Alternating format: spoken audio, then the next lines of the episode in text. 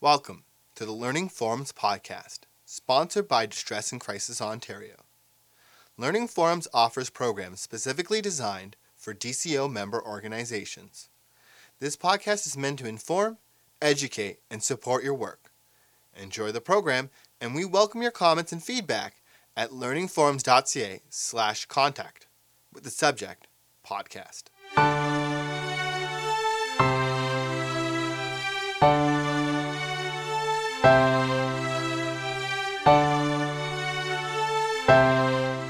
Grew up in a home where um, mental illness or suicide were, from my child's perspective, just it was certainly nothing that anybody ever talked about and so on. And um, growing up, about I guess I must have been about 10 years old when my mother, who'd been increasingly withdrawn, increasingly taken to her bed, um, lost weight, wouldn't eat, uh, ended up in those days being actually taken from the home um, on a stretcher. And then, uh, when I was about 10 years old, um, ambulances and fire engines came. I was downstairs in the kitchen, I think having a glass of milk, and I didn't know this. This had become a pattern of my mother's to be in bed, but this time there seemed to be so much more excitement and and all kinds of people running around and I remember they had an oxygen mask on my mother and I didn't know what it was then but it was something that was covering her face and and they just whisked her out and I don't remember anybody ever telling me what was going on. Um, I remember my father rushing home and he was crying and and my older sister said something to my father. It's all a bit of a blur, but she said, Mummy tried to kill herself. And I remember, even though my mother had been acting this certain way, I somehow I couldn't fathom the notion of trying to kill yourself. It just, I didn't, I couldn't understand because we'd never had the discussion about what was wrong with her. So it was just, in that first episode, it was just absolute bewilderment, confusion. Um, just, I just, it, it, I can't say that first time that it profoundly affected me because it was so quick and there was so much chaos and people crying, but I, I guess I just couldn't even understand what trying to kill yourself meant. So that was the first time. The second time, I was the one who found my mother. I was about 15 years old, and once again, she was up in bed. And I remember going up about 4.30 or close to 5 maybe, because nothing was happening in the kitchen vis-a-vis dinner. And I remember going up and shaking her and, and trying to awaken her, and she wouldn't wake up. And I just remember just screaming at her to wake up. Just, you have to wake up. I don't think at the time I knew enough to call 911. I don't even know if there was a 911 at the time. So I just ran out of the bedroom to our neighbor's house, and luckily they were home and they set things in motion. And again, ambulances and fire trucks. And this time I remember being just bereft, just, just why? Just why? Like, why? Why? Why? What? And, you know, I often say that children are uniquely egocentric. And I remember thinking, like, what, what have I done that has made you so unhappy that you would do this? I don't, I don't understand what I've done. The third time I was a young adult. It was three weeks before my wedding day. And once again, I was the one who found my mother. once again in her bed. And I just, I, I remember more than any of the previous times being absolutely hysterical. Just, just just screaming. I don't even remember who or what I was screaming at. I was just screaming.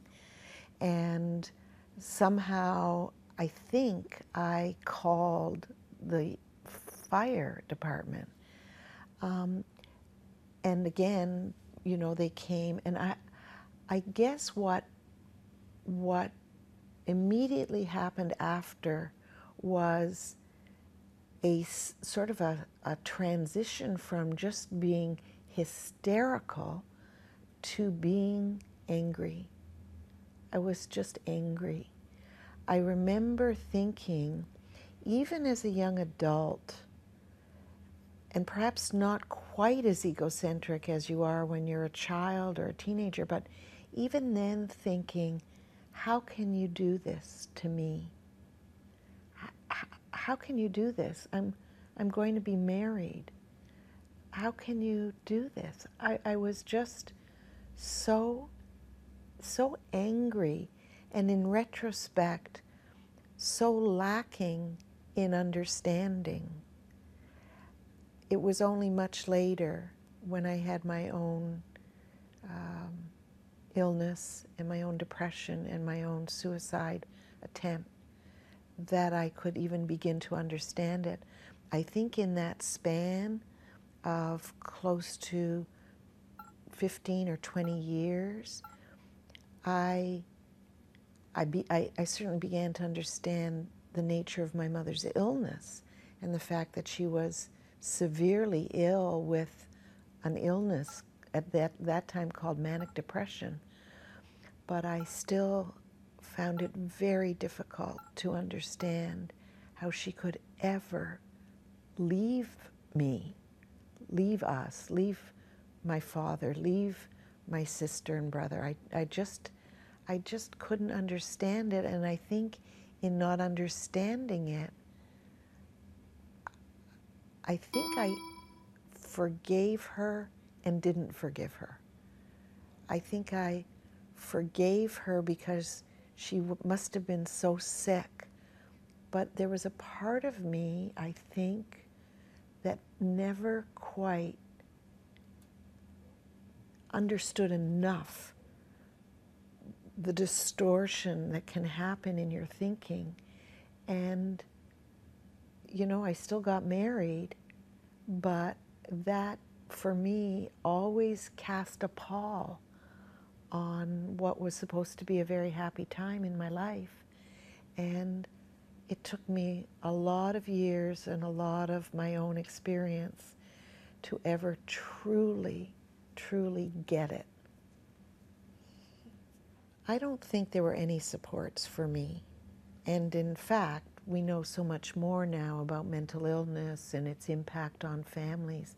But for me, it was we never we never talked about it. So not only weren't there sort of community supports or or medical supports or that kind of psychological support, even within my own family, which was a loving, kind, sort of typical middle class family, there was no internal support for any of us kids. We just the the most important thing was that we didn't talk about it not only didn't we talk about it out there because it was so shameful and so horrendous and so embarrassing and all of those things out there, but I don't remember ever talking about it internally in our family. I remember throughout my childhood and my adolescence, and even into my young adulthood, I remember one aunt saying, your mother is sick. That's the only time anybody ever said what was happening. And I remember thinking, well, if she's sick, well, I remember thinking two things. If she's sick, can I catch it? Which ultimately I did, in a sense. And the other was, well, then why can't they just fix it? If a person is sick, you give them a pill and they get better. Um, and I, I don't remember any anybody ever listening, sitting down, talking. My father never discussed it. It was the great unspoken. That had a very profound impact on everybody else in the family too. Did it? Did it impact your interpersonal relationships in the family? The silence, or did you just? You know, I, I, I didn't think so at the time.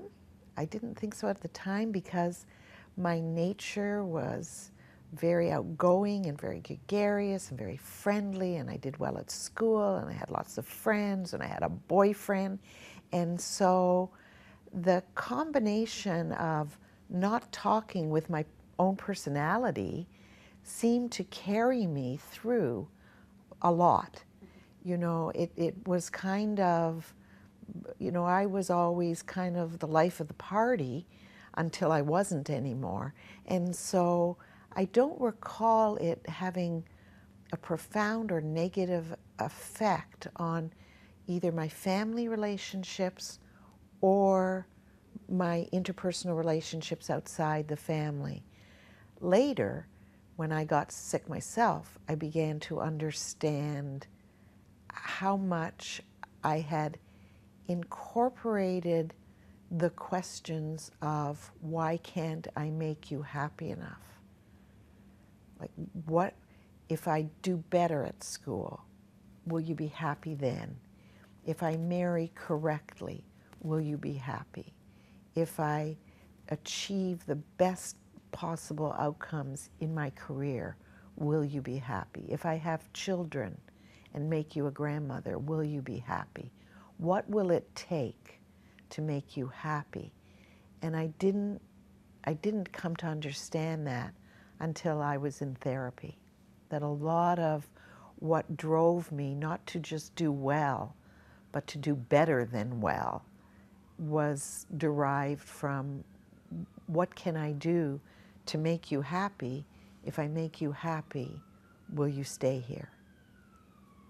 For me, my whole adult life was, was not just about excelling and succeeding and doing well and following the appropriate script, but it was also a kind of I would never be like that kind of person. There was there was almost an inherent self-righteous I would never leave my children. I would never do this to my family. I, I would I'm not that kind of person. I'm a strong, vibrant person. And so it wasn't just a kind of passive, I'm okay. It was almost missionary that I would never do that. And it wasn't until I became profoundly and desperately ill and battling my own clinical depression, which, st- which started in my 30s and lasted into my 50s, that I could even fathom for a moment what must have driven my mother. For me, I didn't know that there was such a thing as suicidal ideation, for example. I didn't know that you could just every single day, for months, even years, visualize your own death, visualize your children not in despair, but being cared for by people around them, people moving in to support and comfort and cherish your children when you couldn't. You just were hopeless and useless and worthless. So I didn't understand that until I experienced it myself. I didn't understand the notion that prevailed for me that somehow to take my own life would be a blessing for my children. All I, I, couldn't understand that until I lived it every single day. I saw the looks on their faces when I hadn't come down for a meal in three days.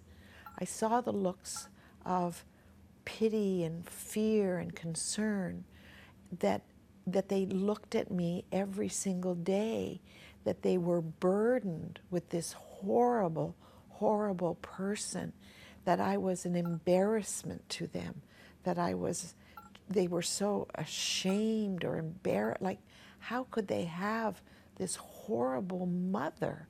What what a burden what a what a stone around their neck and every day I thought I, have to save my children. I have to save my children from that horrible person. They're going to be saddled with this burden the rest of their lives if I don't do something.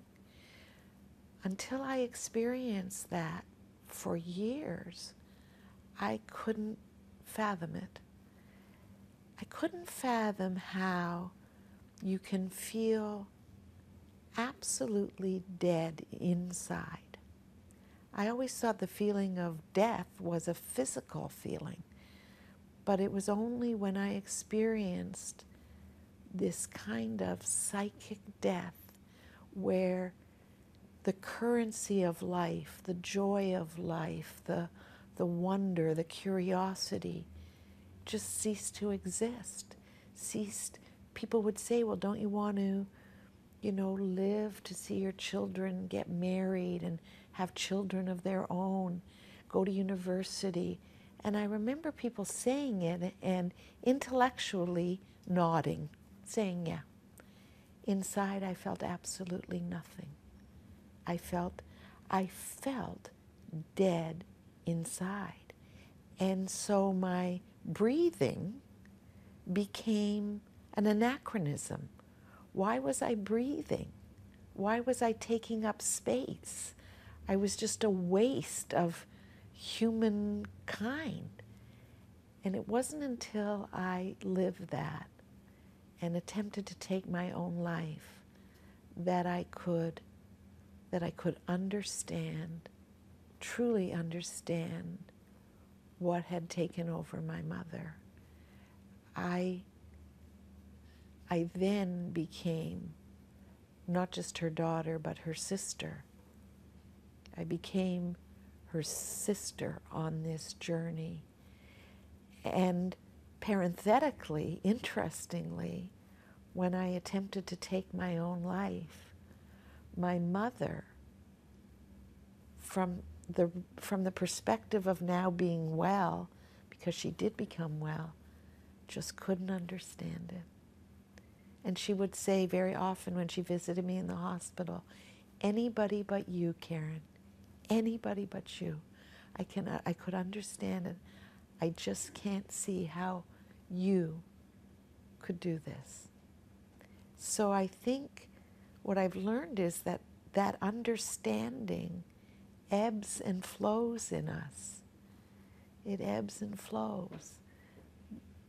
We, we can be empathetic without truly understanding, even understanding physiologically what happens when our thinking gets so distorted, when when we'll never, ever, ever get well again. We'll never see the light of day again. We'll never hear music again. The distortion that can say, it's t- now it, I need to, in this almost perverse way, make the world a better place because I won't be in it. Boy, that's a hard thing to get. It's a hard thing to get. And as I move further away from that, as I continue to recover fully and joyously and have children and grandchildren and all those things that bring me joy, sometimes I fear that maybe I'm losing the capacity to get it because I sometimes wonder if you have to honestly be in it to truly get it. I don't know. I hope I will always be sensitive to it and empathetic and understanding. But the farther away I get from that experience, I, maybe I don't get it as much anymore. I don't know. That would be very disconcerting to me and distressing to me if you'd have to truly get it in the sense of having living it or having lived it. I think getting it takes on a much a, a much broader un, sort of understanding. For me now, getting it means listening and hearing and not discounting. It means being empathetic. It, being, it means for me validating that experience, seeking to hear it, to understand it, not to refute it. To me, it means going to a place where you accept the pain of another person without absorbing it, but you accept it. You recognize it. You don't try and say, oh, yeah, but you know, you've got so much to live for, and you've got a family, and you've got children, and you've got, you know, grand, whatever you've got, right? You've got a roof over your head, and three squares a day, and I, I think if we do anything wrong, it's, it's the discounting of that lived experience. And we need to understand it, validate it, work with it, help people to see beyond it. We must never underestimate the fact that people, if they call us, they call us. It means something. It's a starting point. It's a place to begin. I called the distress centers once myself, and it was a starting point. It was, a, it was the place where we can start to look at other options.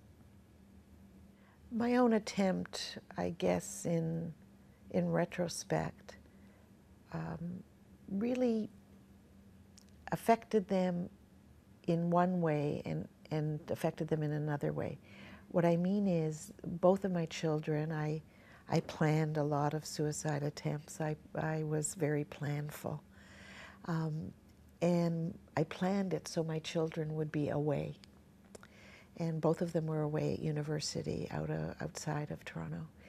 And I remember seeing their faces when I woke up in the hospital. And I remember seeing that look. I have a son and a daughter on both of their faces of absolute horror.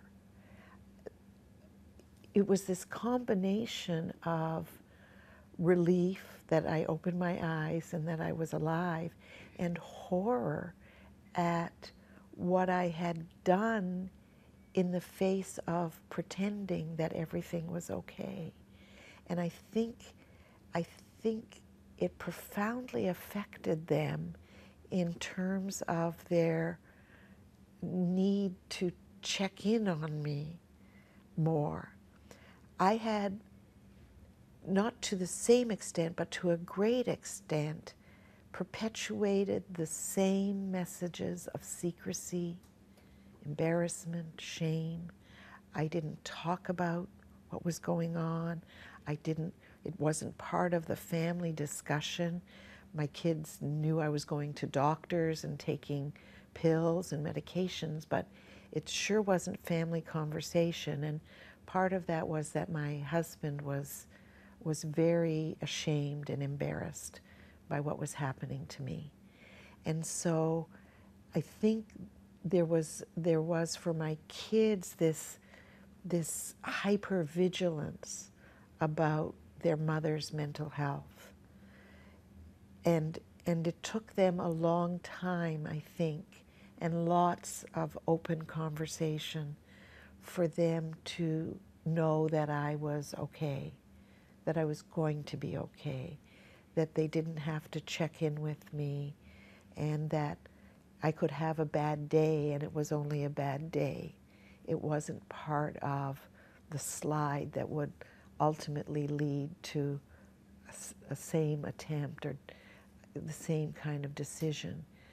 Since I've gotten well and been involved in the work that I do, um, I'd say it's almost become not a point of laughter, because I don't think there's ever going to be anything funny about it, but almost a point of um, shared,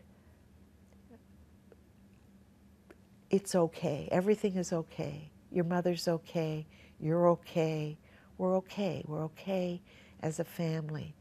You know, if my kids have a bad day, I tend to be hyper vigilant and say, "Are you okay? Is uh, how sad? Like, is it? How long have you been feeling like this?" And very often, my kids will say, "Mom, it's okay. I'm okay." So we've all had to learn to to be vigilant, but not hyper vigilant. To know that we're we're okay, and more importantly, if we're not okay, we're going to get the help we need much sooner in the process. You know, we're not we're if if one of my kids, if I see one of my kids struggling, boy, I'll drag them to a doctor before I'll let them get as sick as I got. Well, it sounds trivial, but there was a quintessential moment. I you know, I think sometimes there's a moment when everything stops and then turns. And the quintessential moment happened when uh, I was I made a small dinner party for some friends, and uh, I was still married at the time.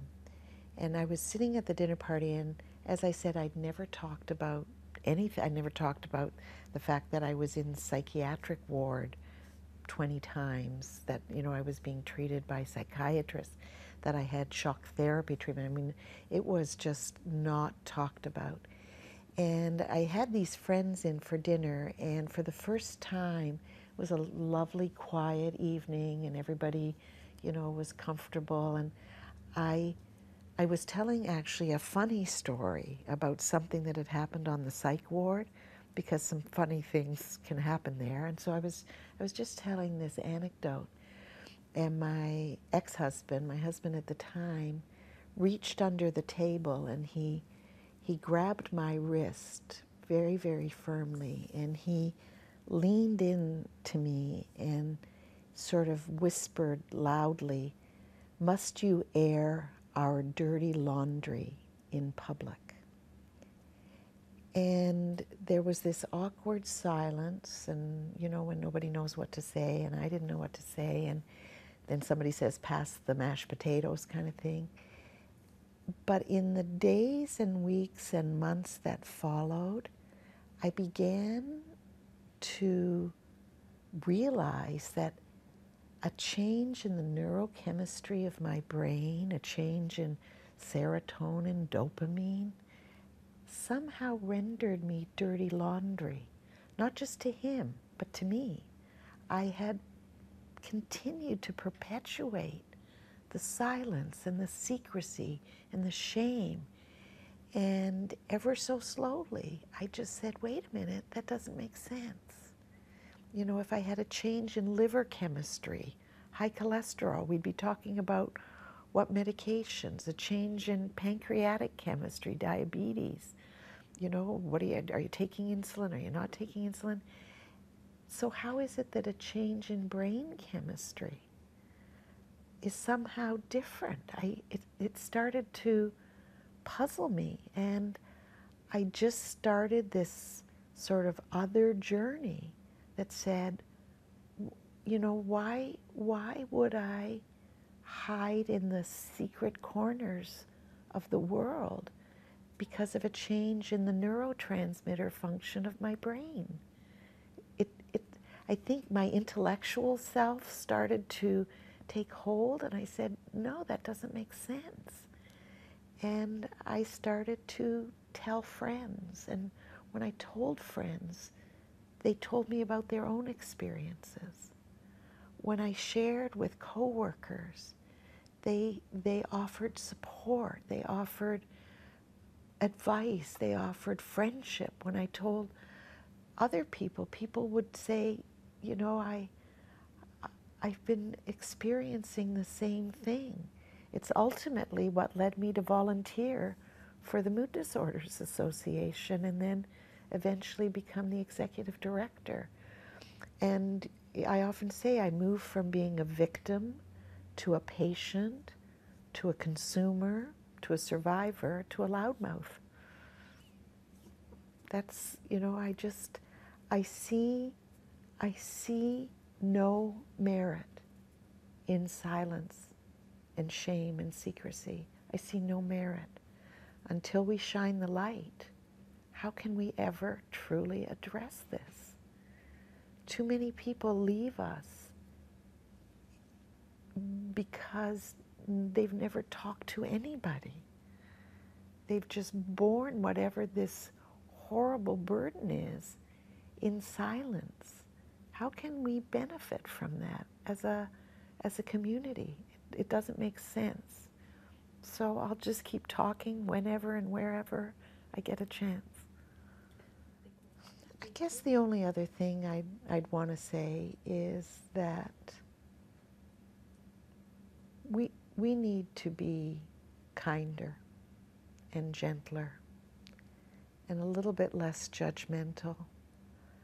I think we, we all need to